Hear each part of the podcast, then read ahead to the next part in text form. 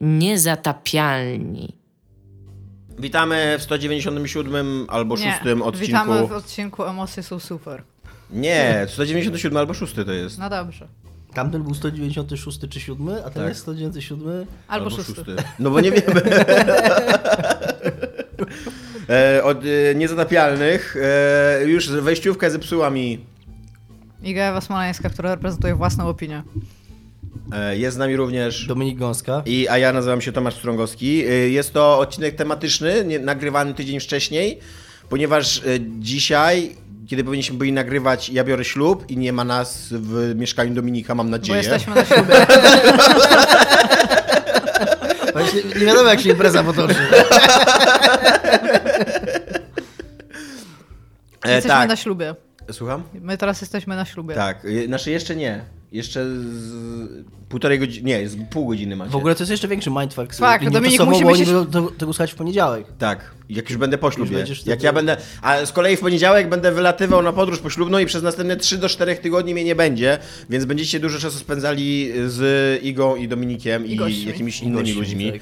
Tak, więc y, przygotujcie się. To nie znaczy, że odchodzimy, że się rozpadamy, ani nic takiego. Jak ostatnio, jak Igi nie było, to ktoś zasugerował też, że Iga już od... A, to Dominik zasugerował.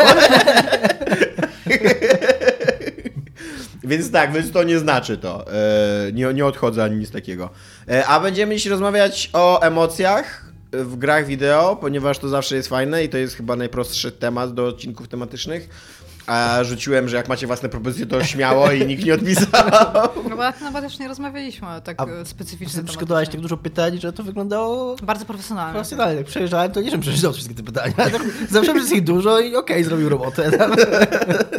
Robimy to. To jest, E, Zróbmy galerię, guys. Możemy zacząć od dyskusji trochę wprowadzającej do emocji w grach wideo, ponieważ wszedłem Firewatcha. Mieliśmy oglądać, znaczy gadać o pod koniec poprzedniego odcinka o Firewatchu, ale nie gadaliśmy, bo nam się skończył czas, więc możemy zacząć teraz od Firewatcha, bo to jest bardzo gra w uczucia i w emocje, tylko nie za bardzo jej chyba wychodzi. Yy, Iga, ty grałaś, tak? w Firewatcha? Więc gadamy ze spoilerami w ogóle, 100%. Yy, też od razu na początku będzie spoiler Firewatcha. Nawet przeszłam ją półtorej razy, bo po połowie gry miałam game crashing buga i musiałam przejść ją jeszcze raz od samego początku. To, yy, to dobrze, bo początek jest najfajniejszy tej gry? Właśnie mm, jakby jeszcze raz odczułam ten sam początek, Tak. gdzie, gdzie sobie robisz ten swój cały backstory. To jest w ogóle bardzo tragiczny początek. Taki, taki że siedzisz i jest ci, naprawdę, kurde, współodczuwasz tę empatię. Jest tak, to jest tak napisane, że nie sądzę, że była jakaś osoba, która koło, by tego, koło tego by przeszła obojętnie.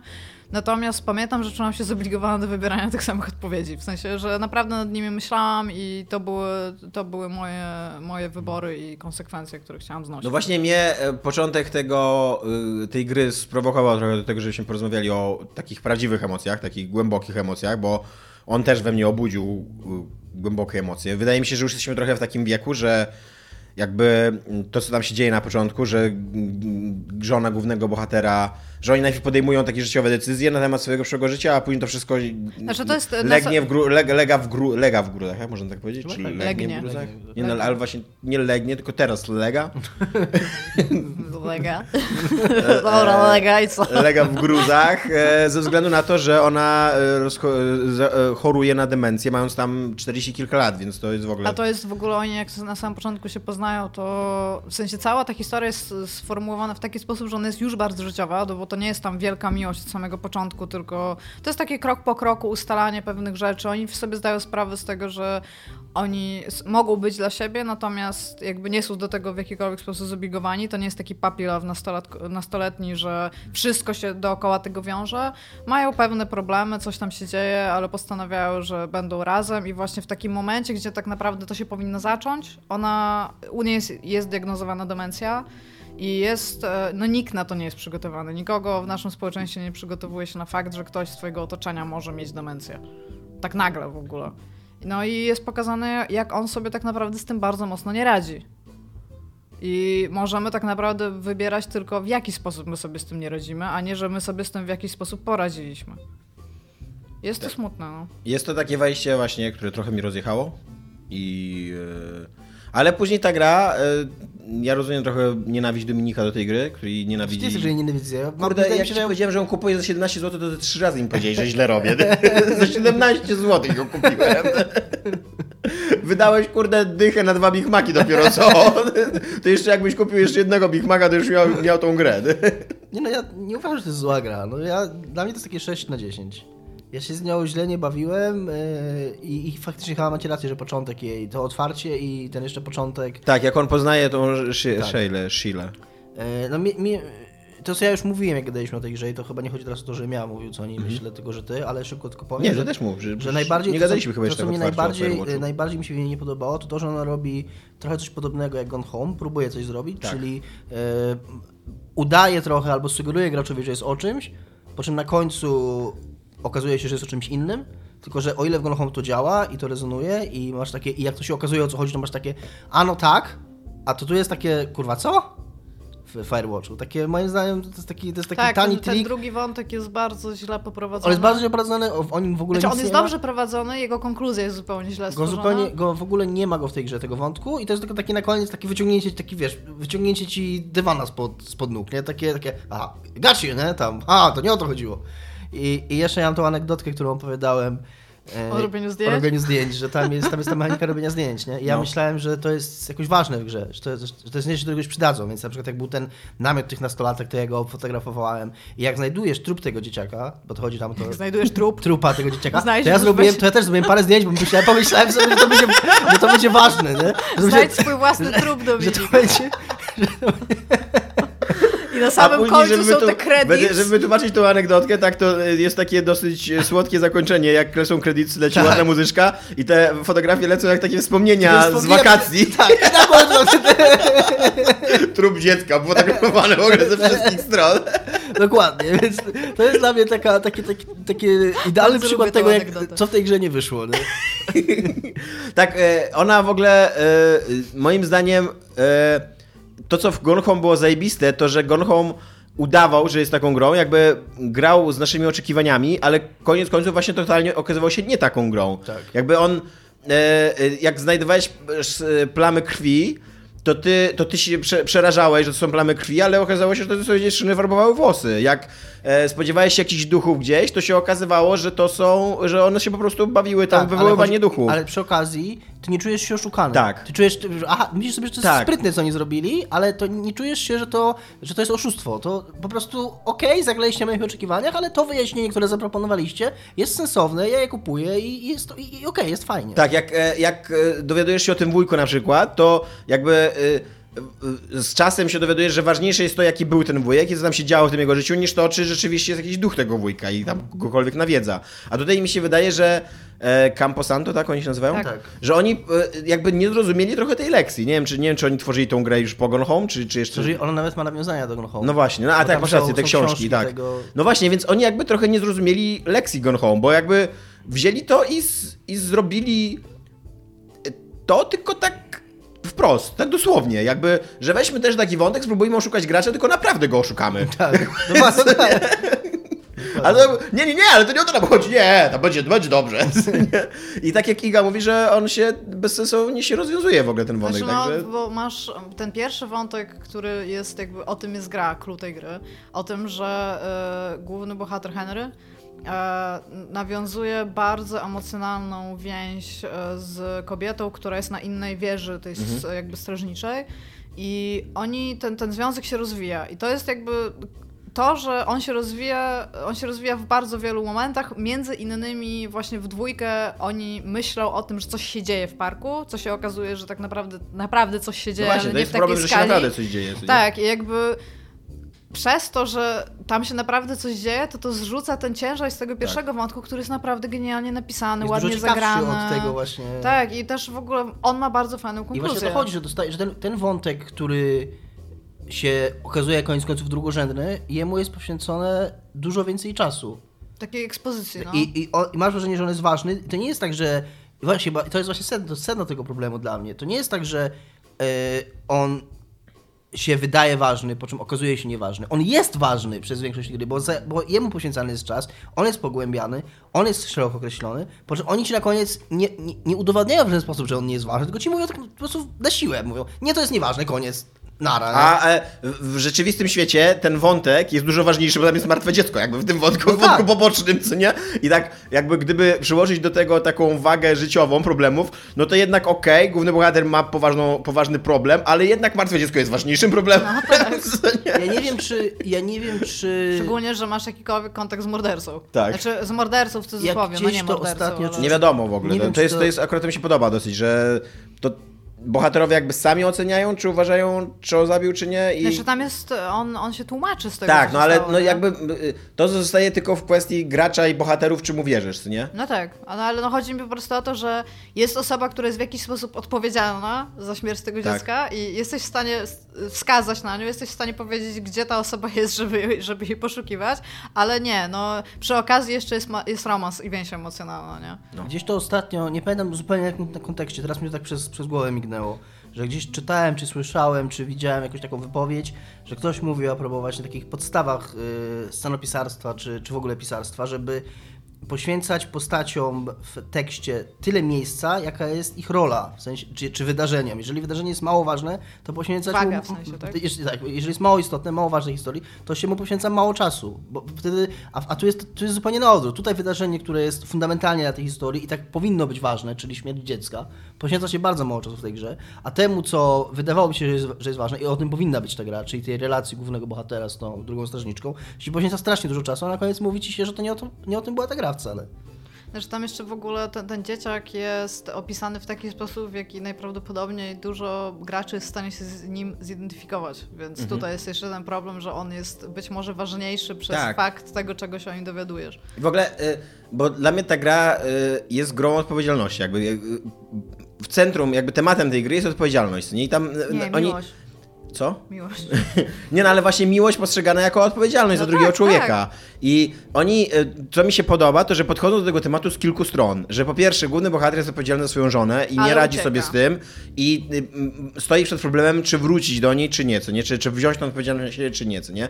Z drugiej strony, e, ta Sheila jest odpowiedzialna w jakiś sposób za głównego bohatera, bo jest jego przełożoną i w momencie, kiedy dochodzi do... Nazywa jakoś Dalia albo coś takiego? Delilah chyba. Delilah, no. nie, She- Sheila chyba. Ale ta, ta z którą... Nie wiem, mój Tak. żółw się chyba nazywał She- Shelly, coś Chyba, chyba Delilah. tak. No dobra, y, sprawdź to, ale ja będę mówił dalej. Jakby ona jest, ona jest jakby przełożoną tego Hanka i Henry'ego. Henry'ego, no. no. ale on, mówię na Delilah, niego tak. Hank. Tak, Delilah. Ona jest y, y, przełożoną y, Henry'ego Hanka i, i, i też jest za niego odpowiedzialna. Nazywa, czekaj, czekaj, bo, bo wyjaśnijcie mi to słowo, przepraszam. No. Delilah June A is the deuteragonist. Deut, deut, deuter, deuteragonista. Nie wiem, co to jest. Może drugi, z, y, może jak masz parę protagonistów, to ona jest jedną z nich. Nie znałem tego słowa. No dobra. No i jakby ona, ona w momencie, kiedy wybucha ten pożar w tym... In y, literature, de, or secondary main character. A, widzisz? z, ze starożytnej greki i tu jest napisane greckim Bawimy i uczymy. Deuteragonistosis. Deuteragonistosis, secondary actor. Jeżeli ktoś z was teraz uzupełnia krzyżówkę, to ma- macie to hasło. No i Delilah jest odpowiedzialna y, jakby za um, Henry'ego, co nie? Za, I w momencie, kiedy ona wy, wy, wybucha pożar, ona, nie wiem, czy to, czy, to jest, czy to wynika z wyborów, czy przynajmniej w mojej wersji, ona też jakby nie przechodzi tego testu odpowiedzialności, bo odlatuje sama, co nie? I Nie, to on zawsze odlatuje sama. tak, no to, to też jakby jest w takim razie... Znaczy, nie, nie, nie, ty zwróć uwagę, że ona jest, y, ona odlatuje jeszcze w czasie, kiedy on przychodzi do jej wieży, żeby mógł odlecieć. On, Mhm. on miał być brany z innego miejsca, które jest już zagrożone tym pożarem, więc tak naprawdę ewakuacja wygląda tak, że oni powinni ją najpierw ewakuować, a potem po niego wrócić, jeśli będą mieli No tak, ale on, ona się umawia z nim na miejscu pewnym i, e, i, ona, mia, i ona obiecuje, że na niego będzie czekać. I jak ona mówi, że on, że jednak odleci, to on bardzo wyraźnie ją prosi, żeby zaczekała na niego i bardzo wyraźnie się boi, co się stanie, jeżeli ona go zostawi. A ona pomimo to podejmuje decyzję, żeby odlecieć. Więc to jest takie, moim zdaniem, e, znaczy, to Znaczy- nie jest tak, że, że, że jakby potępiał ją jako tutaj, bohaterkę ja i tak nawet dalej. wprowadzę coś więcej, bo to, że ona z nim nawiązuje taki, a nie inny związek, kiedy ona już wie, że on ma żonę, Tak. kiedy ona sobie zupełnie zdaje sprawę z tego w ogóle, w jakim oni są w tym momencie miejscu, że oni nie są w stanie się spotkać, to, że oni są w stanie tylko i wyłącznie rozmawiać przez radio. I z tego, co pamiętam, to ona mu pierwsza mówi, że coś tam może do niego mieć. I w, w czasie, kiedy ona go zostawia tak naprawdę bez żadnej szansy, bo on, on możesz jej, nie, nie wiem, czy jej zaproponowałeś, żeby do ciebie przyjechała. Bo tam jest Nie. taki, jest coś takiego, że możesz z niej- się z nią pożegnać, zaproponować, żeby przyjechała, albo żebyś ty zaproponował, że Nie. do niej przyjedziesz. Ja się z nią To- żegnam, ponieważ jestem bardzo wierny mojej żonie. Cokolwiek tam nie wybierzesz, twojej przysz... Aha, teraz już twojej żonie, tak. Czegokolwiek tam nie wybierzesz, to ona tak naprawdę ci mówi, że it's been fun. Tylko nie mówi ci tego dosłownie, ale że, no, że nic z tego nie będzie. I ona w ogóle odlatuje w ten sam sposób, zostawiając ciebie jako pracownika, jako człowieka, jako przyszłego, byłego. Tam rozumiesz, zostawiać tam po prostu, więc to, No jest, i- to jest takie trochę bardziej I na tym poziomie, poziomie e, Hanka i Henry'ego. jego żony, no Hanka, on mówią na niego Hank. To Okej. jest, uważam też, e, e, tak jak Delilah, uważam, że to imię bardziej do niego pasuje. Zwłaszcza, że on jest tam przedstawiony jako taki pogodny misiu trochę, co nie? Taki, Jest, ona go też tak rysuje, nie wiem czy tak, widzieliście tak, rysunek. widziałem. I ja właśnie, ja, ja, na, na poziomie Delilah, e, Hanka i Julii, tak, tego, tej, to jest... Fajna, zniuansowana historia właśnie o odpowiedzialności, o trudnych decyzjach, o tym, że czasem w życiu e, no podejmujesz decyzje, z których nie jesteś dumny, tylko dlatego, że na przykład wybucha pożar, kurde, w lesie, albo dlatego, że sobie nie radzisz z demencją, kurde, bliskiej osoby, nie? A później jakby na ten, na ten taki dosyć delikatny, utkany z emocji, fajny tort, ktoś, ktoś rzuca takim, kurde, kamiennym chlebem, nie? Puch! I jeszcze to martwe dziecko, kurwa?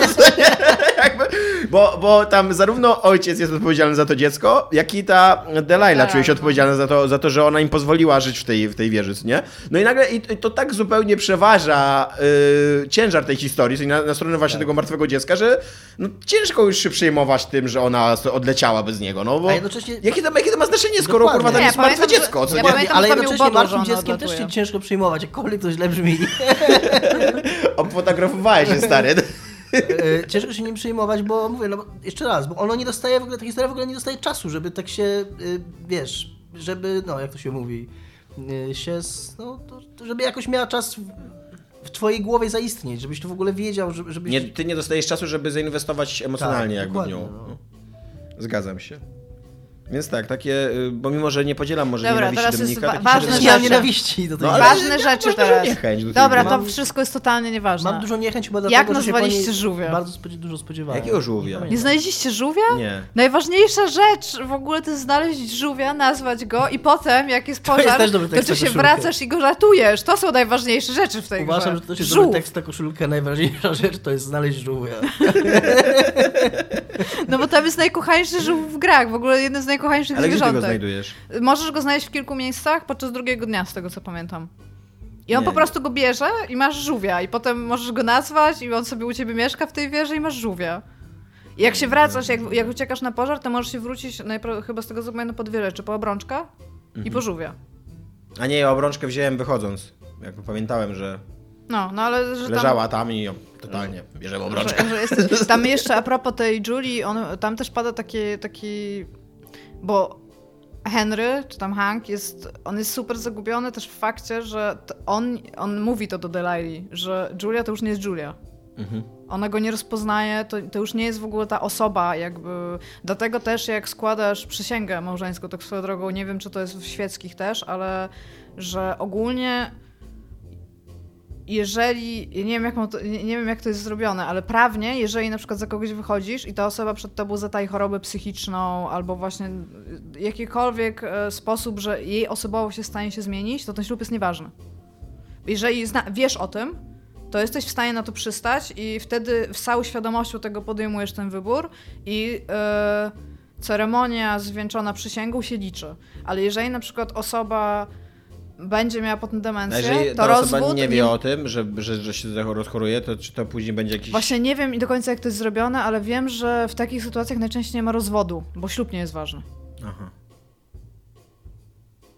Więc tutaj Dosyć jeszcze... mroczne rejony za, za, za, za, za, zabłądziliśmy, biorąc pod uwagę, no wiem- że nagrywamy w sobotę. No ale wiem, że coś takiego jest, że generalnie e, jesteś w stanie po prostu jakby udowodnić, że ślub nie był ważny ze względu właśnie na, na to, to i to. Więc tak. Więc to, że on w ogóle mówi do tej Delilah, że ta Julia jest chora i że on już nie rozpoznaje w niej tej samej osoby, to wprowadza jeszcze jakby grubszy patent, jeżeli chodzi o odpowiedzialność, bo on tak naprawdę powinien być za nią odpowiedzialny. Z drugiej strony to, co się dzieje w samym początku gry, on jest od niej odsuwany przez rodzinę. Bo oni uważają, że on sobie z nią nie radzi, czegokolwiek No. byś nie zrobił. Tak. Więc tak naprawdę on jest odsunięty i on tutaj nie podejmuje decyzji, czy być za dalej odpowiedzialny, tylko czy chce walczyć o fakt, żeby być odpowiedzialny za Ja osobę. to trochę inaczej rozumiem, że nie, nie, nie do końca czy chce walczyć o, o, o to, tylko czy w ogóle chce być blisko niej. Bo No tak, mi się no. wydaje, że tam mniej ważne jest to, czy on będzie y, literalnie jej opiekunem, tylko czy poleci po prostu do Australii po to, żeby być blisko i żeby... tak, tak, tak, trochę, no. trochę po to, żeby skazać się na patrzenie, jak swoją ukochaną umiera, nie? No i też e, po całkowicie przez cały czas Tak. pod tym, że rodzina go będzie nienawidzić, nie? Bo ta rodzina go nienawidzi już od, od punktu zero, kiedy on sobie z nią nie radzi po prostu. Więc to jest, to, to, ta decyzja, którą on ma podjąć, to nie jest takie prosta, prosta rzecz tak naprawdę. To jest bardzo skomplikowana rzecz, którą on sobie musi w jakiś sposób poradzić. W tym mu pomaga ten związek z Delilą. Natomiast to, że ona mu na samym końcu pokazuje faka i odlatuje, no to, to też mu jakby... On też tak naprawdę zostaje sam ze wszystkim. Tak. Jeszcze bardziej niż był wcześniej. No, to nie wiem, to jest, to jest trudna gra i w ogóle nie rozumiem, po co dali ten, ten wątek z tym dzieckiem. I to już w ogóle, że potem ty znajdujesz kryjówkę tego, ty, tego ojca tego dziecka i że on, on ci w ogóle tam się z tobą kontaktuje. To jest takie, nie, to nie, to zwróćcie mnie do tego Właśnie poziomu umysłu, ta którym ja kryjówka, ta kryjówka w ogóle była jeszcze słaba e, w takim e, aspekcie emocjonalnym, bo ja miałem wrażenie, że w tej kryjówce powinno być coś ważnego. Że to, że już dochodzi do tego rozwiązania, ja, ja dostaję list Ale od tego ojca? No. i tam powinno, być, tam powinno być jeszcze jakieś odkrycie, jakieś właśnie katarzys emocjonalne, coś takiego, a tam już nic nie ma. Ta- kryjówka to już jest takie postscriptum w ogóle. No ale tego bo ten wątku. ojciec tak naprawdę robi to samo, co robi No Henry, tak, czyli ucieka tak, od odpowiedzialności. tak. No, no i dlatego tam nie masz tego przydupcenia, no bo to, ty masz sobie wtedy zdać sprawę, mój Boże, on jest potworem. Ja też jestem potworem. Jest to takie no jest jeżeli jest. chodzi o dramaturgię. Y, Rozumiem, rozumiem, co mówisz i być może, być może rzeczywiście o to chodziło, ale to jest bardzo ryzykowne. A jak Zawsze- nazwaliście ogień? Słucham? Jak nazwaliście ogień? E, nie pamiętam. Też nie pamiętam, nie Ja nazywam The Big Fire. Nie, nie, ja nazwałem jakoś. A, e, Flapjack Fire. Okej. Chyba też. Bo tam był ten dowcip, nie. Ale mi się super podobało, że The Big A jak nazwałeś Fire... wzgórze? E, Widowmaker. A nie, ja nazwałem to wzgórze, gdzie moja szefowa chce mnie zabić. Ale mi się bardzo podobało, bo jak ja mówię The Big Fire, to Delilah mówi, że nie możemy tak go nazwać i tam słychać kartkowanie i, a nie, jeszcze nikt nigdy nie nazwał tak ognia, jednak możemy. The Big Fire. E, No, znaczy, e, wracając do tego, do tego, co tam się dzieje w, w tym, w tej kryjówce tego ojca, jakby rozumiem o co ci chodzi i być może rzeczywiście im o to chodziło, ale to jest zawsze bardzo ryzykowne z punktu widzenia projektu, nawet nie tylko gry wideo, ale w ogóle projektu jakiegokolwiek dzieła, takiego y, planowania tego dzieła, żeby, żeby grać na rozczarowaniu czytelnika tak jakby na takim realnym rozczarowaniu, Mhm. że nie tylko, żeby, że chce- chcesz pokazać, że on powinien być rozczarowany na przykład bohaterem i rzeczywiście go rozczarowujesz.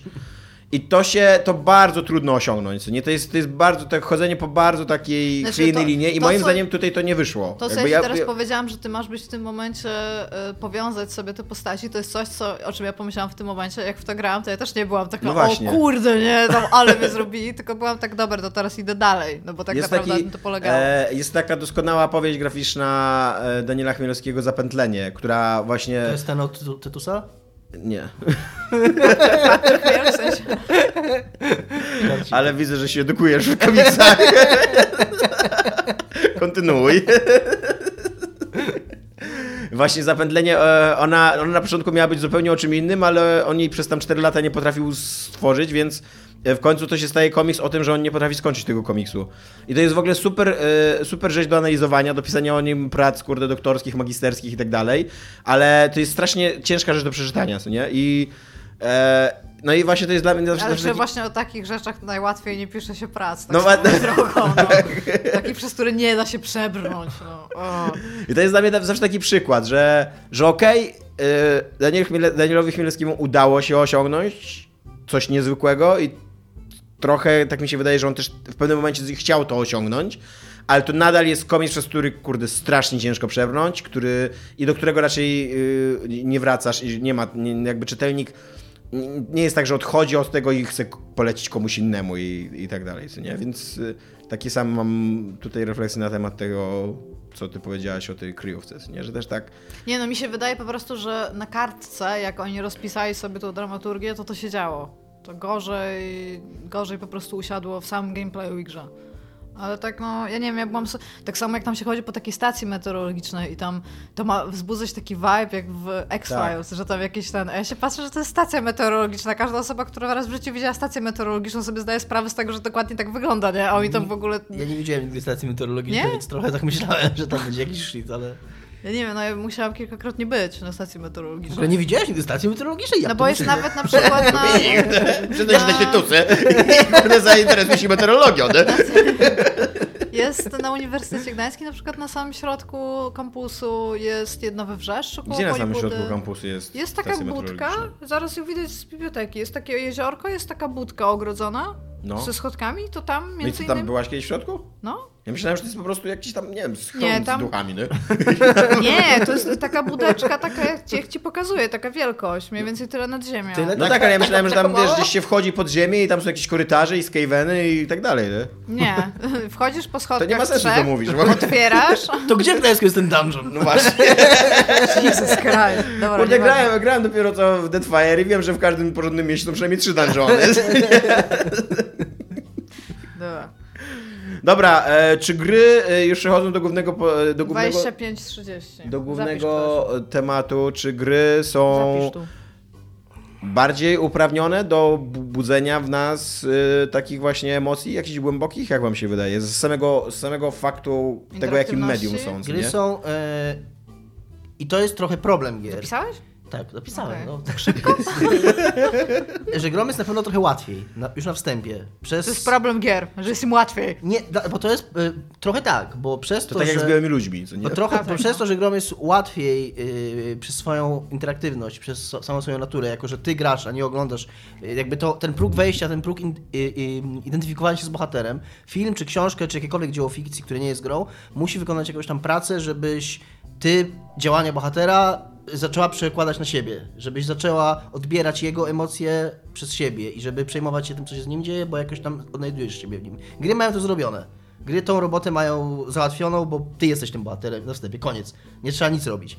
I przez to strasznie rozdejniwia twórców. I przez to mamy takich Davidów Cage'ów, którzy robią, którzy robią drugorzędne czy trzeciorzędne filmy, takie kino, takie filmy, które w kinie by w ogóle nie, e, nie, nie, nie miały racji bytu i w ogóle by się nie broniły, ale przez to, że, że ten próg, te, te, te wymagania są mniejsze, to, to działa, to jakoś działa. Mnie Heavy Rain zrobiło na przykład. Nie? Jestem w stanie teraz po latach Wiemy. być może przyznać, że, e, Nigdy nie wspominałeś. że, jest to, że jest to problematyczna gra pod wieloma względami, ale ja uważam, że ona, y, powtórzę to jeszcze raz, w swoich czasach, w swoim momencie ona zrobiła dużo dobrego i tam zwróćcie uwagę, że to było jeszcze przed Telltale, to było przed, y, przed y, tym, przed Dotnot, przed tymi wszystkimi Firewatchami, przed wszystkimi Gone Home'ami, przed wszystkimi, przed całą tą w ogóle tym nurtem gier narracyjnych.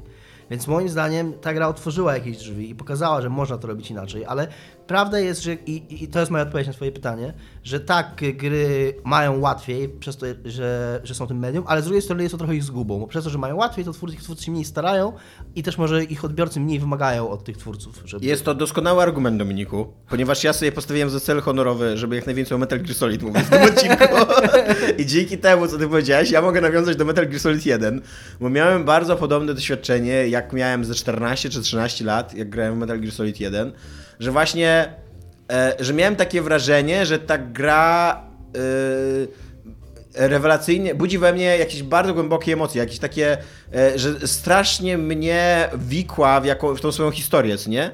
Ale teraz jak e, mam te 34 lata i patrzę na nią e, z jakiegoś minimalnego dystansu, bo nawet nie trzeba dużego dystansu, żeby spojrzeć na Metal Gear Solid z takim e, trzeźwym okiem, to ja, ja, się, ja się orientuję, że to wynika tylko i wyłącznie z tego, że ty czujesz się Solid Snake'iem. Tak. I Ale to, że nic nie robi, żebyś i to, że tak, to, że ten Solid Snake się znajduje nagle w telenoweli, to ty, ty się czujesz, że jesteś w tej telenoweli i jakby te najprostsze, najbardziej wulgarne emocje, one, one na ciebie oddziaływują i E, właśnie dzięki temu, że, że po prostu, że tak w punkcie wyjścia to ty jesteś Tak. nagle bohaterem telenoweli, co nie? I tobie się, znaczy mi tam, 13-letniemu mi się wydawało, że to jest takie super, że ja takie skomplikowane emocje i takie ecz- emotions w ogóle i tak dalej, a tak naprawdę to jest po prostu słabe sropisarstwo, tylko to też jest swoją drogą problem człowieka, który e, chciałby robić filmy, co nie? Zamiast, zamiast gier.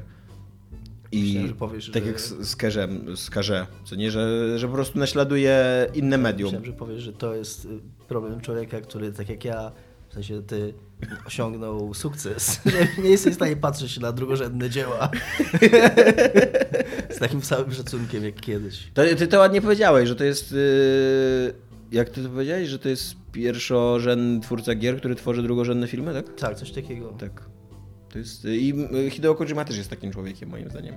Iga. To ja.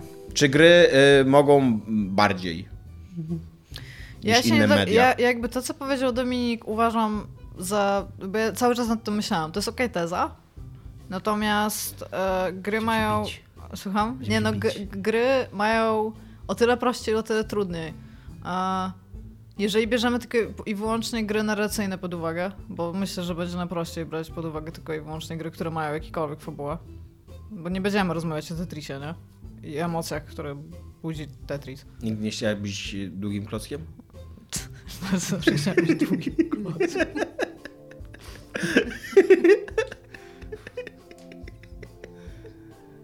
Trochę się nie spodziewałem, jak O to God. dwuznacznie zabrzmi. jak to mówiłem. Rozumiem, że ty chciałeś, tak? Dobra, anyway. Ja chyba trochę jestem długim klockiem.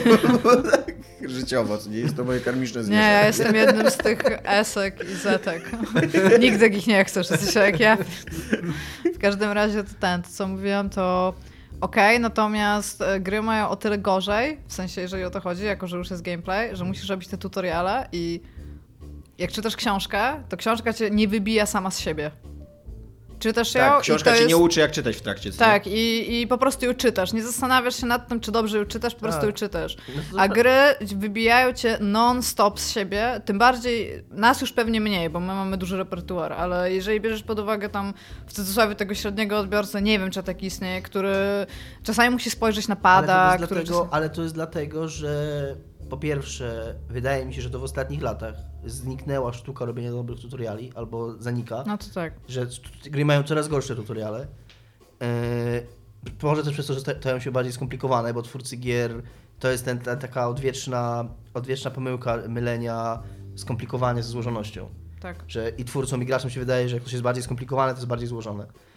Yy, gdzie tak nie jest tak naprawdę. Można to być gra, która jest prosta, mało skomplikowana, a jednocześnie ma złożone mechanizmy w środku i jest ciekawa, ale można ją łatwo zrozumieć. Nie? Yy, Ja się z tobą zgadzam. Oczywiście, że są gry, które robią to dobrze, są które, które to robią źle. I to jest coś, co yy, ktoś chyba właśnie w wykluku Giant Bomb, czy kto- ktoś to zauważył w każdym razie, że to jest zawisy problem Detroit.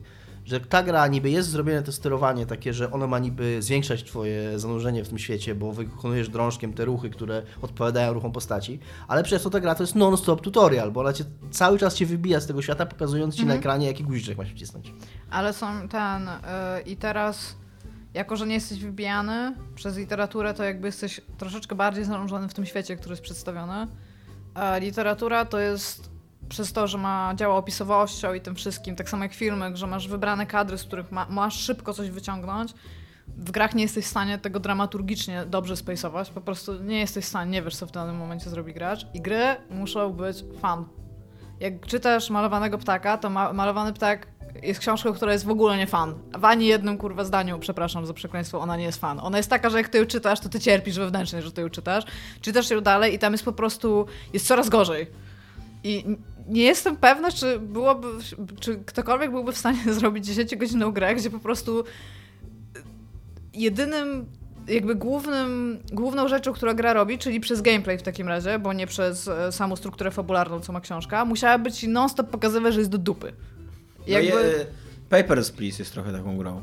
Która Ale nie sprawia jest ci... fan. No właśnie nie wiem, dla mnie nie była Sam, fan. samo, dla mnie była, samo dla mnie była busy work. jest fan. No tak, to, to jest busy work, ale jesteś, na samym końcu, jest, jak jesteś podliczany, tak? No to widzisz, a zarobiłem dzisiaj Ja pięć. właśnie zawsze miałem tak, że kurde, że tam traciłem i że w coraz większe kłopoty popadałem, co nie?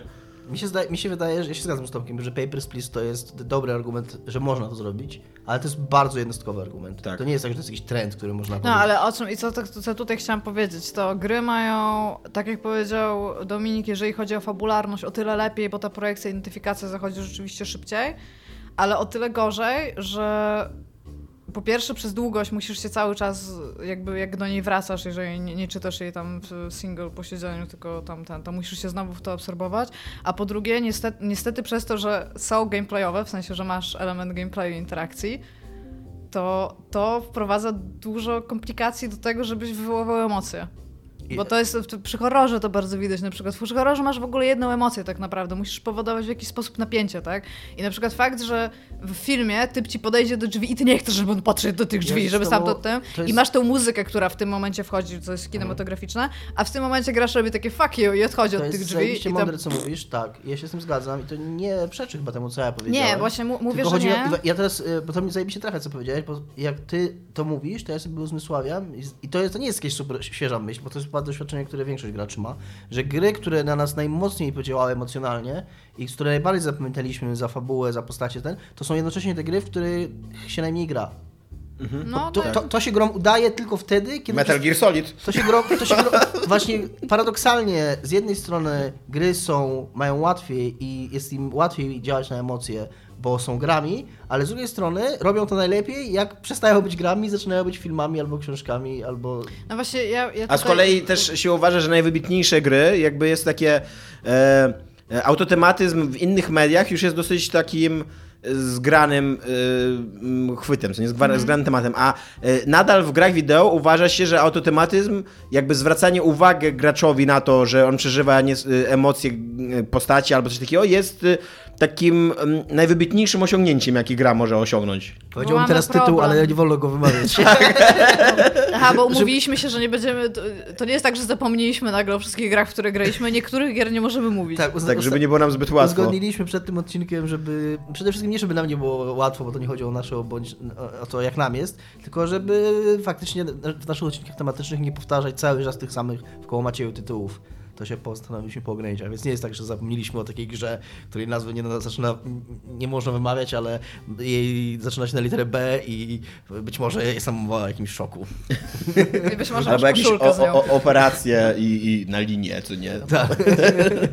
Ale Braid, o, na przykład o Braidzie możemy rozmawiać. co Nie, Braid Tak. jest też taki, Tak. że jakby geniusz Braida poka- po, polega na tym, że w pewnym momencie się orientujesz, że to jest gra, że, że to jest, że e, to, że to jest, że to jest konwencja e, platformówki 2D jest istotne dla tej No gry. ale też e, Undertale na przykład, który Tak. ci zwraca uwagę na cały system RPG w ogóle w grach i tego, co, jak dosłownie choices and consequences ci po prostu wykłada z miejsca, no.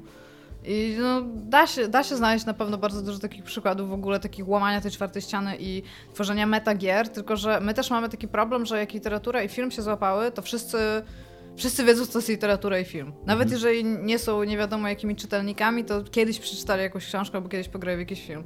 E, Pograli, bo oglądali jakiś film. A gry, kurde, wciąż są rzeczą, które czasami ktoś ma centralnie wbite w to medium. Ale z drugiej strony też y, y, teraz mi się to przypomniało, y, że o ile tak zgadzam się, że ta interaktywność, to co powiedziałem, że ta interaktywność często ona z jednej strony łatwiej, z drugiej strony utrudnia, bo, bo no, mówiliśmy już o tym, to też jest przez to, że gry są w takim, ciągle wydaje się, wydaje mi się, pod względem narracji w takim dosyć jeszcze młodzieńczym okresie, dopiero odkrywają i twórcy gier dopiero odkrywają, co mogą zrobić, to ciągle można i ciągle zdarzają się takie gry, które właśnie pokazują, że można robić ciekawe rzeczy i można jakoś zupełnie znajdować zupełnie nowe sposoby, takie konkretne, tylko- charakterystyczne dla gier. Właśnie dobrym przykładem jest to Papers, Please, dobrym przykładem jest Braid, moim zdaniem też dobrym przykładem jest Her Story, które mega fajnie taką dosyć tradycyjną fabułę, to, ja to, to najbardziej lubię w grach, kiedy one biorą e, nie, nie starają się opowiedzieć jakąś super e, złożoną, skomplikowaną historię w stylu Metal Geara i robią to, i, i, która tak naprawdę okazuje się telenowelą, tylko że ty w to grasz, więc się tym przejmujesz, tylko biorą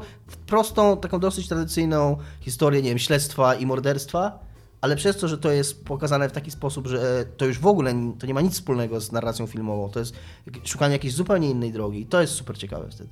Znaczy, ja też, bo ja, ja się chciałam nie zgodzić po części z faktem tego, co powiedzieliście, że gry, które najbardziej działają na nas emocjonalnie, to są gry, w które mało się gra, a większość emocji wynika z czegoś innego, bo jak ja myślałam o tych grach, o których nie mogę mówić i więc musiałam znaleźć inne, to znalazłam, ja na przykład sobie zadałam pytanie, na których grach się Albo, popłakałam. albo gry moim zdaniem autotematyczne właśnie, poprzez to, że one budzą, one budzą w tobie emocje z samego faktu, że grasz w gnie, nie? Znaczy wiesz, to też jest kwestia tego, jak w wielu grach e, gameplay ma jakiekolwiek znaczenie, w sensie dane rzeczy, na przykład takie jak końcówka Brothers, albo tak jakby Florence.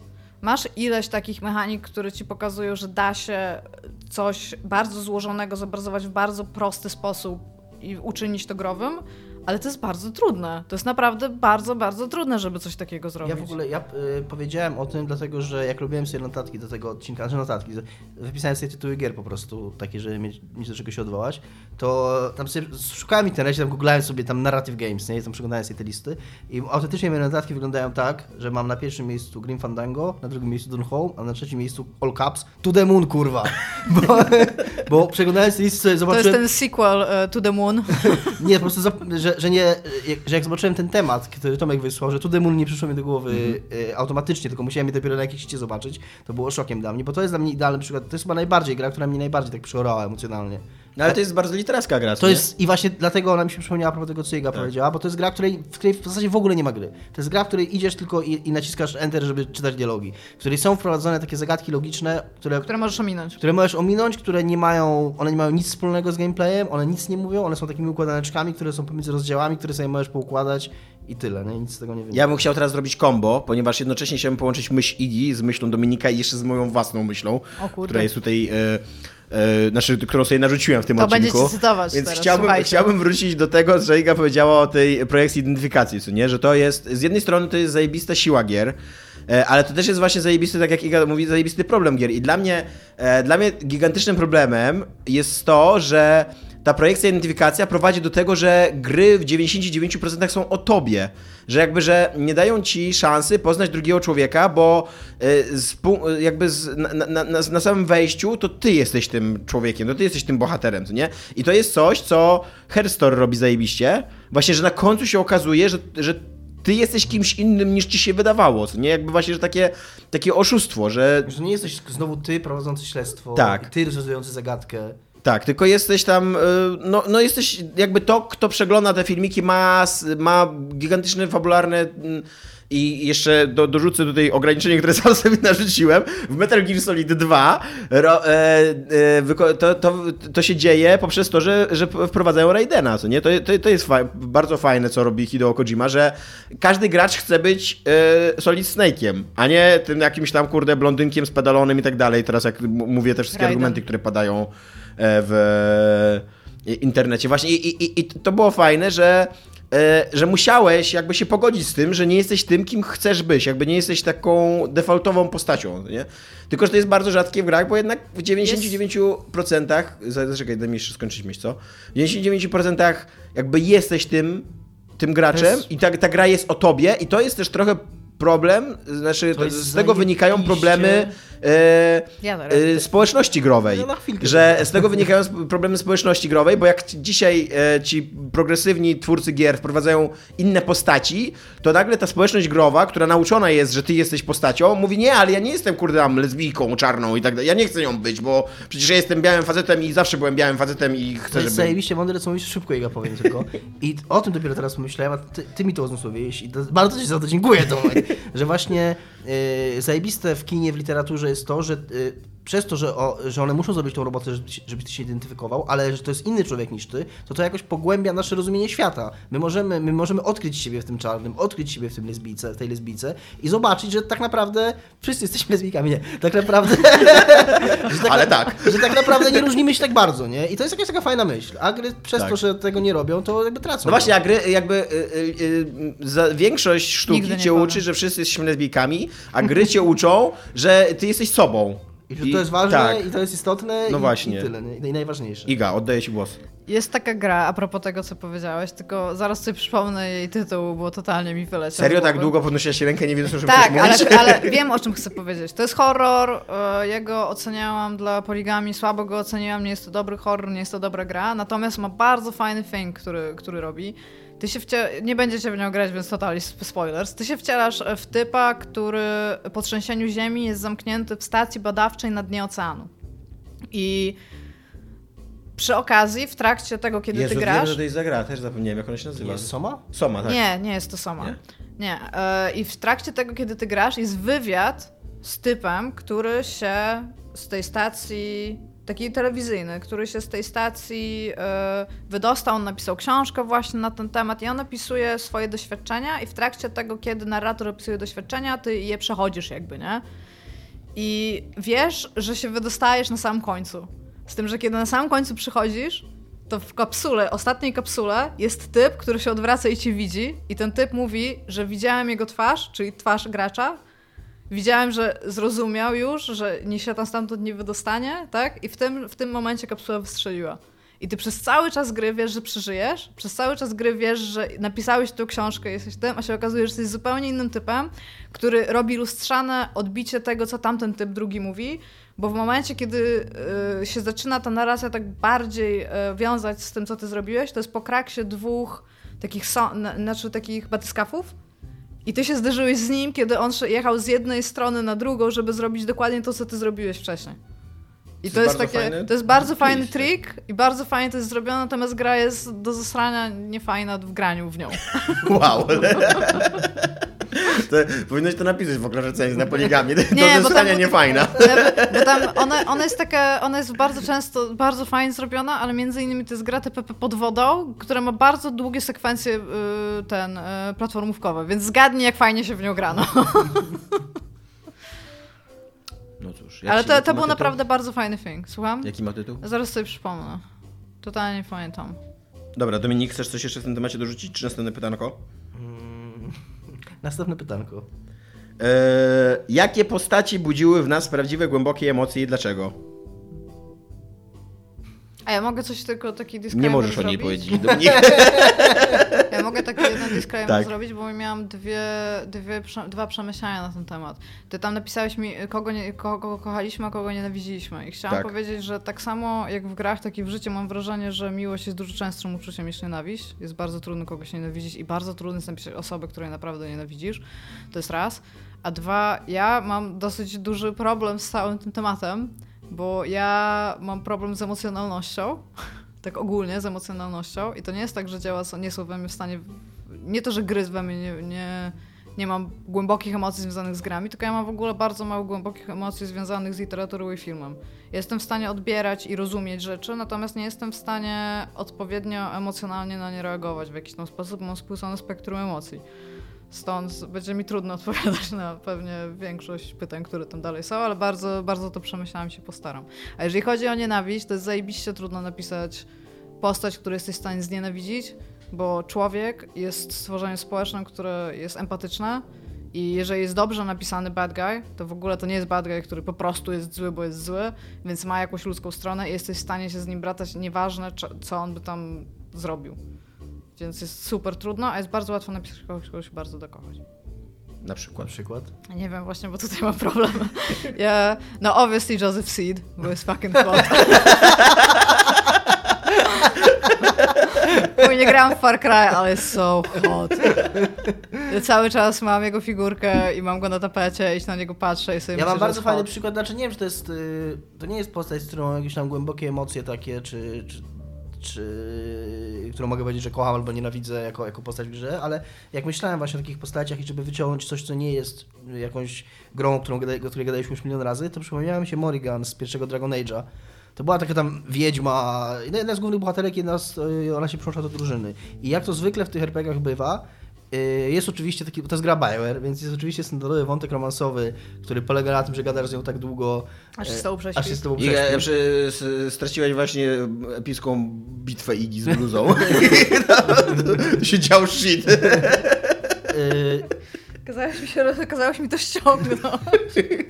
E, Ale tak, i po pierwsze ona jest fajna, bo ma fajne backstory, bo ma jakieś swoje własne cele, bo ma swoje własne jakieś ambicje i ona chce coś osiągnąć, więc jest fajną postacią i fajnie się ją poznaje w tym świecie gry. Ona nie jest go takim tylko e, laską, z którą masz się przespać, jako ty pewnie dużo, dużo razy z nią zagadasz. Chociaż oczywiście, jak odpowiednio dużo razy z nią zagadasz, to się z nią prześpisz. Jednak jest to gra BioWare. Ale, tak, ale na koniec ta gra robi coś bardzo fajnego i bardzo sprytnego i mam za to bardzo duży szacunek do niej, dlatego ta postać zapa- z- zapadła mi w pamięć, pamięć, że okazuje się, że, bo ty jesteś tym y, y, szarym strażnikiem, tym jednym z takich wybrańców, który ma w sobie krew pomiotu i okazuje się, że, te, że to było jej celem, żeby, że to nie ty ją uwiodłeś, tylko ona chciała uwieść ciebie, żebyś się z nią przespał i ona wtedy, to dziecko, które, y, które ona urodzi, potem będzie jakimś specjalnym, potężnym dzieckiem i, to, i ona ci o tym mówi i odchodzi od ciebie. Bo mówi, że jakby dostałam to, czego chciałam, to był mój Nie cel. mogliście z jakimś zabezpieczeniem I jest też, no ale ona chyba tak- jakby taki był... To jest gra fantazja, nie ma A zabezpieczenia. poza tym, y, jest magia. wiesz, to była czarodziejka i jej na tym zależało. To był, ona chciała to osiągnąć, chciała, żeby się zapłodnił. I, I odchodzi i tam jest później na, zakończeniu wow, gry, że... w ogóle ten, y, obiektyfikacja mężczyzn. Ale i, no, mi się to bardzo podobało, to był taki fajny twist, to, to był nadal wątek y, romantyczny, pociągnięty tak jak wszystkie wątki romantyczne w grach BioWare, ale podobał mi się na koniec ten twist właśnie, że ona się okazuje, że to ona miała tą moc sprawczą, mimo że nadal to wyglądało tak samo i nadal to ja przeprowadzałem te dialogi, nadal to ja inicjowałem te dialogi, I, ale jednak koniec końców gra to przedstawia w taki sposób, że to była jej decyzja, że to był jej cel i że ona zrobiła swoje i odeszła w stronę zachodzącego słońca. Uważam, że to było bardzo fajne. I bardzo cenię tą grę za to, że, że tak zrobiła. Jeżeli chodzi o takie Bardzo postaci... fajne jest też to, że... A, to nieważne. No. Okej. E, Jeżeli chodzi o takie postaci, to ja miałam dwa, dwie, dwa takie wspomnienia, które zawsze mi pierwsze przychodzą do głowy, jeżeli ktoś mi mówi o emocjonalności w grach. To nie są te momenty, kiedy się popłakałam, bo się popłakałam wielokrotnie, tylko zakończenie Bastiona, Mhm. gdzie się po prostu się tak mocno. Ja, ja jestem przekonana, ja, ja jako osoba, że ja zawsze dążę jakby do dobra w jakiś sposób ogółu. Zagraj w Pyre, bo Pyre robi to cały czas. No, Jakby ale- cały czas ci każe decydować i ty nie wiesz, jaki Ale wiesz, wybór tam, podjąć. tam masz tak naprawdę. Zakoń...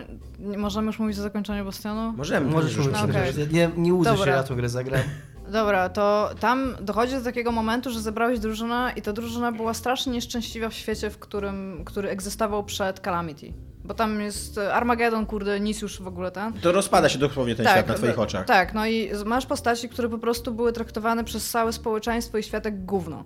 I przychodzisz do momentu, który ci mówi, że możesz albo wrócić cały ten świat i wrócić do swoich roli, które nie znacie się, rozumiesz, wracasz po prostu zegar, tak? Calamity się nie dzieje. Albo Calamity się stało, świat zostaje, ten świat, który został, zostaje spójny i wy zostajecie jako ostatni.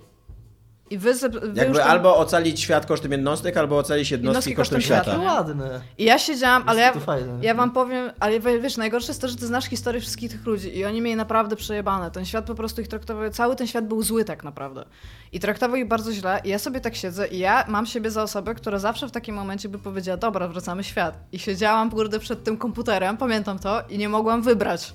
Bo dla mnie to było niemoralne, żeby wybrać, żeby oni dalej egzystowali, sami so, bez świata, ale jak ja sobie wyobraziłam, że ja mam znowu dzieciaka wysłać na mury, znowu ją tam w ogóle wsadzić do jakiegoś nieszczęśliwego tam ojca, żeby ona tylko siedziała w tej piwnicy i grała na tej harfie i żeby to wszystko było znowu nie tak, żeby wszystko, żeby wrócić do całej niesprawiedliwości, który, który ci ludzie doświadczyli, to są dobrzy ludzie, to nie byłam sobie w stanie tego w, jakikolwiek sposób To jest trochę taki, to jest trochę taki... To jest wybór moralny, o którym mówił William, e, Walt Williams, ten od e, Spec Ops The Line, że wybory moralne to jest wybór, że ty chcesz za, Tak. w tym samym czasie wyżygać się i się masturbować i się obracasz przez ramię, czy ktokolwiek widzi, że ty wybierasz ten wybór moralny. I ja się czułam wtedy w tym momen- mom- momencie tak, że po prostu sama ze sobą się czułam niefajnie.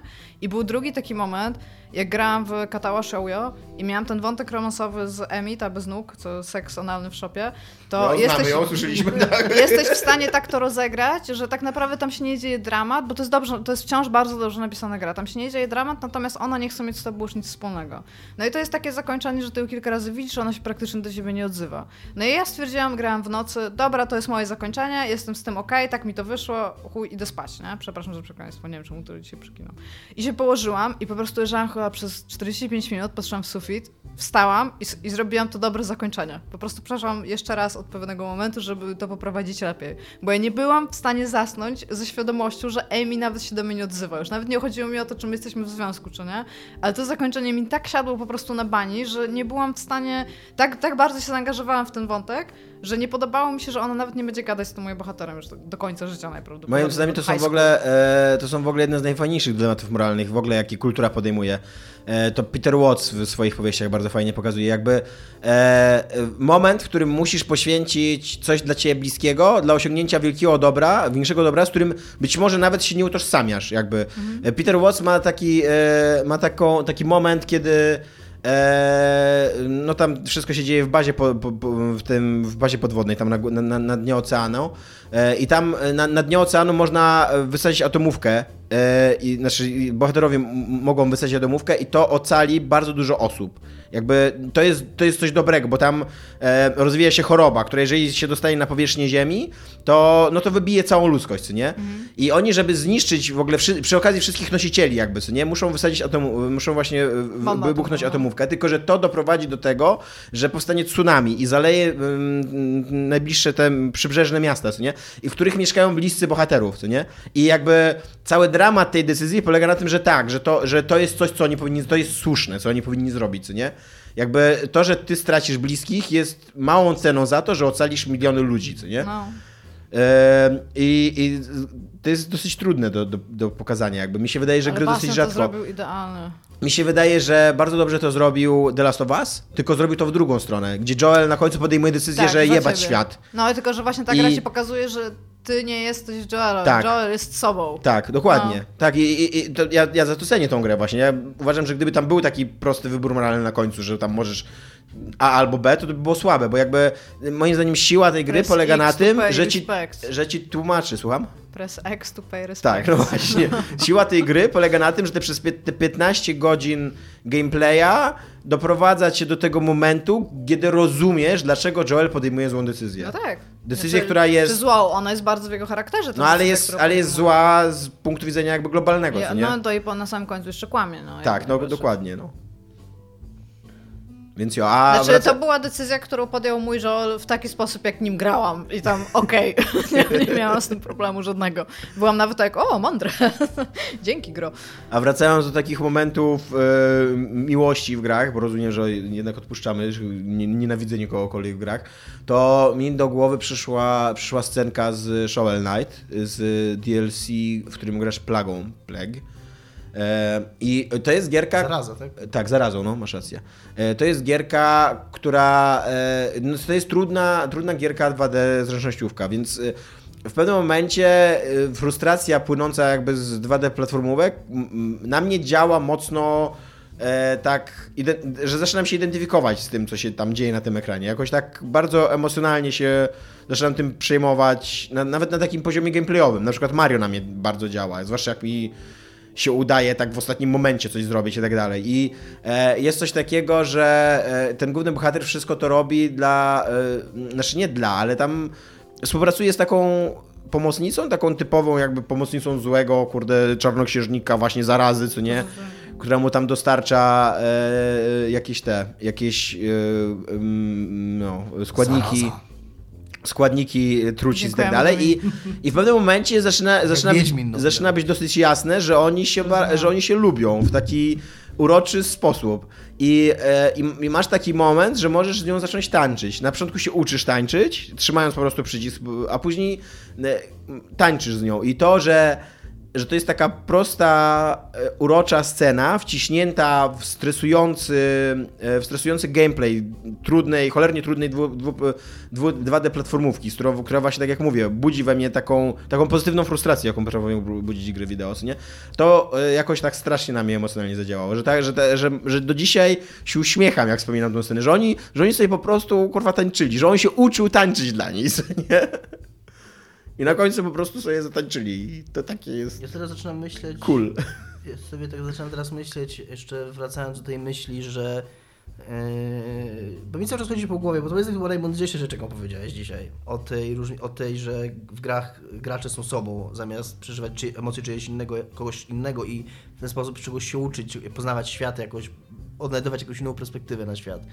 E, Że chyba właśnie dlatego zawsze bardziej ceniłem, i to jest ładne uzasadnienie, dlaczego gry z RPG ze stworzonym bohaterem są ciekawsze, nawet jeżeli ty możesz go odgrywać, to, to ciągle odgrywasz jakiegoś bohatera, który jest zdefiniowany i może być odgrywany tylko w jakichś tam granicach, właśnie jak Geralt, zaraza.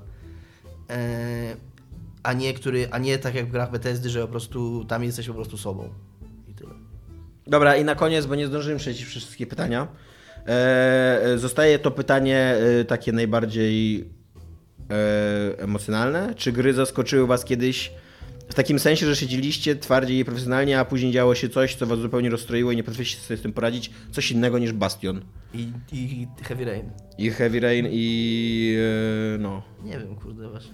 No i te wszystkie gry, o których nie możemy powiedzieć w stylu Śmiercia Eris. Ja chyba mówię, że Heavy Rain, no w takim razie tak naprawdę. Heavy Rain nie ma na tej liście i ja mm, mówię, ja jestem w stanie bronić mojej oceny Rain z tamtych czasów, z takich powodów historycznych, e, ale też mam też świadomość taką, że ja się dałem tej grze zajebiście zmanipulować i że moja wysoka ocena tamtej gry w tamtych czasach nie wynikała z mojego przekonania o tym, jaki ta gra będzie miała wpływ na gatunek, na, na, na rynek gier i, jak, i co, i jak, jak wiele dobrego zrobi dla rozwoju gier narracyjnych, tylko wzięła się z tego, że ja autentycznie przeżyłem to, że musiałem tam się sobie palec odciąć, żeby swoje dziecko uratować, mimo że to może jest tandetne, ale tak, ale to na mnie podziałało wtedy i jestem w stanie przyznać, że, że być może powinienem być bardziej profesjonalny wtedy, ale ta gra mnie, być może dlatego, że to było nowe, że to było inne, że to było świeże takie dla mnie wtedy i, i, i tak, i to na mnie zadziałało w ten sposób, jak mówisz.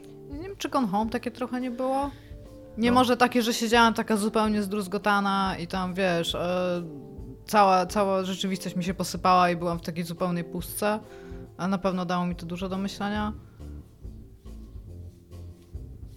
Ja właśnie po Gone Home miałem zupełnie odwrotnie. Znaczy ja miałem, uwielbiam Gone Home i mega się w ogóle jarałem, jak przyszedłem tą grę, ale Powinnam zagrać kiedyś. to jest gra, która moim zdaniem, ona się zajebiście broni na takim poziomie profesjonalnym. Na takim jak przyjrzysz się jej konstrukcji i na takim poziomie kogoś, kto mówi sobie albo wmawia sobie, że się jakoś tam interesuje grami głębiej niż tylko tym, czy one są fajne, czy nie są fajne, to jak sobie patrzysz na ten le- level design, na to jak te zagadki są tam, te wskazówki są tam porozmieszczane, jak to jest wszystko zaprojektowane, ona jest bardzo ładną taką układanką do rozbierania, do analizowania.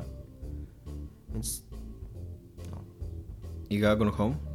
Chciałeś coś jeszcze powiedzieć, czy już nie? Nie, myślę jeszcze, bo przypominam sobie takie momenty, że siedziałam najczęściej kończę, kończę grę w, no, w nocy, nie tam podczas dnia i pamiętam, że czasami tam wyłączam wszystko, już tak siedzę i myślę i po prostu staram sobie przypomnieć tytuły. Ja wiem, jak, jaka gra mi tak zrobiła jeszcze. Limbo.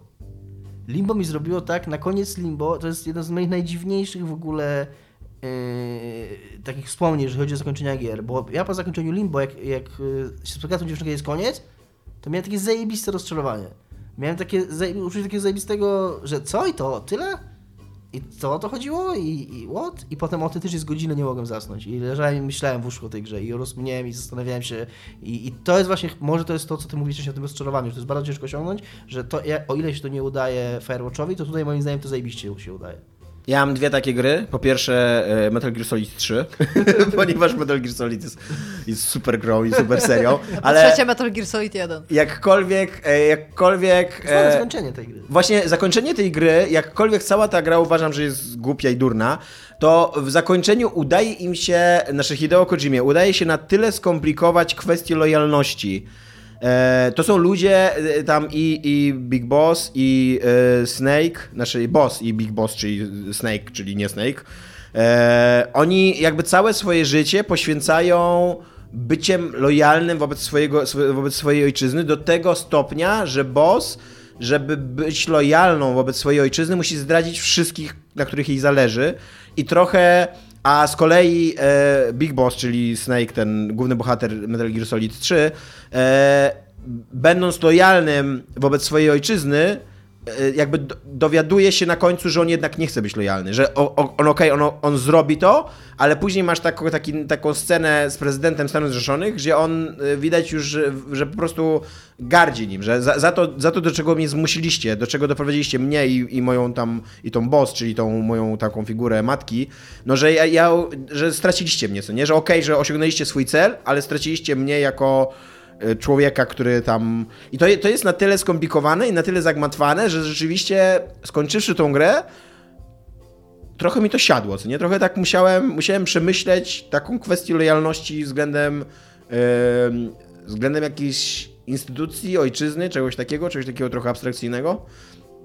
A taką grą nie będącą Metal Gear Solid, czyli słabszą z definicji i gorszą, e, która mnie e, strasznie tak wyprała z emocji trochę, tak e, jest Hyper Light Drifter. To jest gra w ogóle, do której, która strasznie we mnie tkwi i ja ją strasznie lubię, mimo że e, uważam, że ona ma strasznie bełkotliwą fabułę i jakby i nie do końca rozumiem o co chodzi w tej grze, ale ona e, na poziomie emocjonalnym, na poziomie tego, jak wygląda, jak się w nią gra, jak brzmi, też to jest bardzo ważne, jak ona brzmi, ona mnie wprawiała w taki jakiś rytm, taki.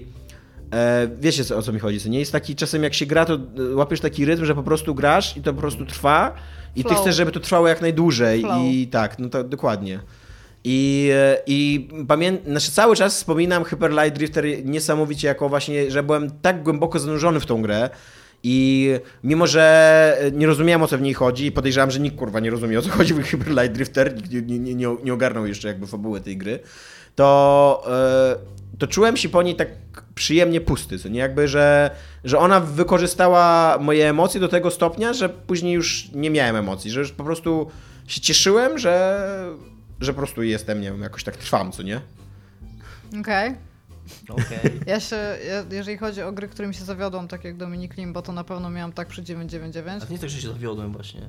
Jeżeli- Mówiłeś, że takie i, co, i to, i to, Na, to. e, e, w momencie, kiedy to się wydarzyło, w momencie zakończenia, ale później godzinę też myślałem o tej grze, więc mam takie No ja wspomnienie, miałam że... tak po Ja mam, 999. mam takie wspomnienie, że ogólnie ta gra coś zrobiła dobrze, skoro sk- nie, nie leżałem później wkurwiony i myśląc sobie, jak Limbo jest chujowe, tylko leżałem z takim właśnie... No ja właśnie tak samo miałem z Hyper Light Drifter, że... rozkminienia tego, kurde, że, że zadziałało to na mnie. Że ja miałem tak z Hyper Light Drifter, że nie wiem co ona zrobiła, ale Tak. zrobiła coś, co zadziałało. Co, Dokładnie, dokładnie. Co poruszyło mnie takie struny, z których chyba nie do końca sobie zdawałem sprawę, że mam je w sobie, co nie? No, tak, jak, jak, jak, powiedział, grałam w tak jak powiedział Ed Harris w drugim sezonie Westworld, e, jest we mnie taki mrok, którego kiedyś nie czułem, ale, wie, ale teraz wiem, że on zawsze tam był. Iga. Nieźle. A jak gram 999, Klasyk. 999 to jest w ogóle zajebista gra. Ona jest super napisana, tylko jak masz zakończenie, które nie jest kanoniczne, to masz ciągle aż nastąpi. Ja siedzę i o, o co chodzi w ogóle? Czemu? D- kiedy nastąpi? W drugiej części mam w nią zagrać jeszcze raz? Gro, powiedz mi, daj mi odpowiedzi na moje pytania. I jak potem zaczęłam czytać, co się tam dzieje, to byłam tak... Jak ja miałam na to wszystko w ogóle wpaść? Tam tylko sposobem takim, że jak przechodzisz grę, to po prostu podejmujesz wszystkie wybory w jakiejś kolejności, aż w końcu trafisz do tego konkretnego. I pamiętam, że to byłam, byłam taka trochę zła, pomimo tego, że zajebiście napisana ta gra. I no nie wiem, no to Fallouty mnie super rozczarowały Bethesdowe. Fallout 1 ma dobre zakończenie. Fallout No, ale nie, 1 to nie miało być gra, która cię rozczaruje, tylko gra, która... y, zakończenie. Zostaje z tobą. Tak, zostaje no, z No tobą, to no. Fallout 1 ma takie zakończenie. Nie wiem, czy pamiętacie zakończenie Fallouta 1. No, że zabijasz, y, Zabijasz Mastera, a później cię wygnają z wioski. Tak, wracasz Tak, do no. Volta i mówią ci, że nie możesz tam wrócić, bo już jesteś zbyt, zbyt wielki na to miejsce. Ludzie będą chcieli iść w w twoje ślady, ludzie będą chcieli wychodzić i to nie przetrwa, więc musisz odejść. Ja mam... I strzelasz typowi w plecy. Jak strzelasz typowi? No strzelasz Overseerowi w plecy na koniec i odchodzisz, zabijasz go. Nie pamiętam tego, że go zabijałeś. Ja mam problem w ogóle z dużymi takimi e, RPG-ami taki, że bardzo rzadko siada mi zakończenie w takich RPG-ach, bo e, on, to są gry, które trwają 100 godzin i zazwyczaj w bardzo wielu z nich dużo ciekawsze rzeczy się dzieją wcześniej niż na końcu. I, e, i tak po tych 100 godzinach mam już taki e, jakby sam, satysfakcję samą z drogi, że ten cel już rzeczywiście nie jest dla mnie ważny, co nie? Co tam, jak, jak się zamyka główny wątek, no, no luz, co nie? Okej, to obejrzałem zakończenie, to nie, no. Ale i tak pamiętam tego questa tam w 13 13 godzinie, co nie? Tam to się działo shit, co nie? No, dobra, coś jeszcze mamy do powiedzenia? Mamy jeszcze bardzo wiele do powiedzenia, No ale nie, już jest... Ale czas... Tak, dużo czas czasu, nas- dobra. To hej, Dzięki, cześć. hej.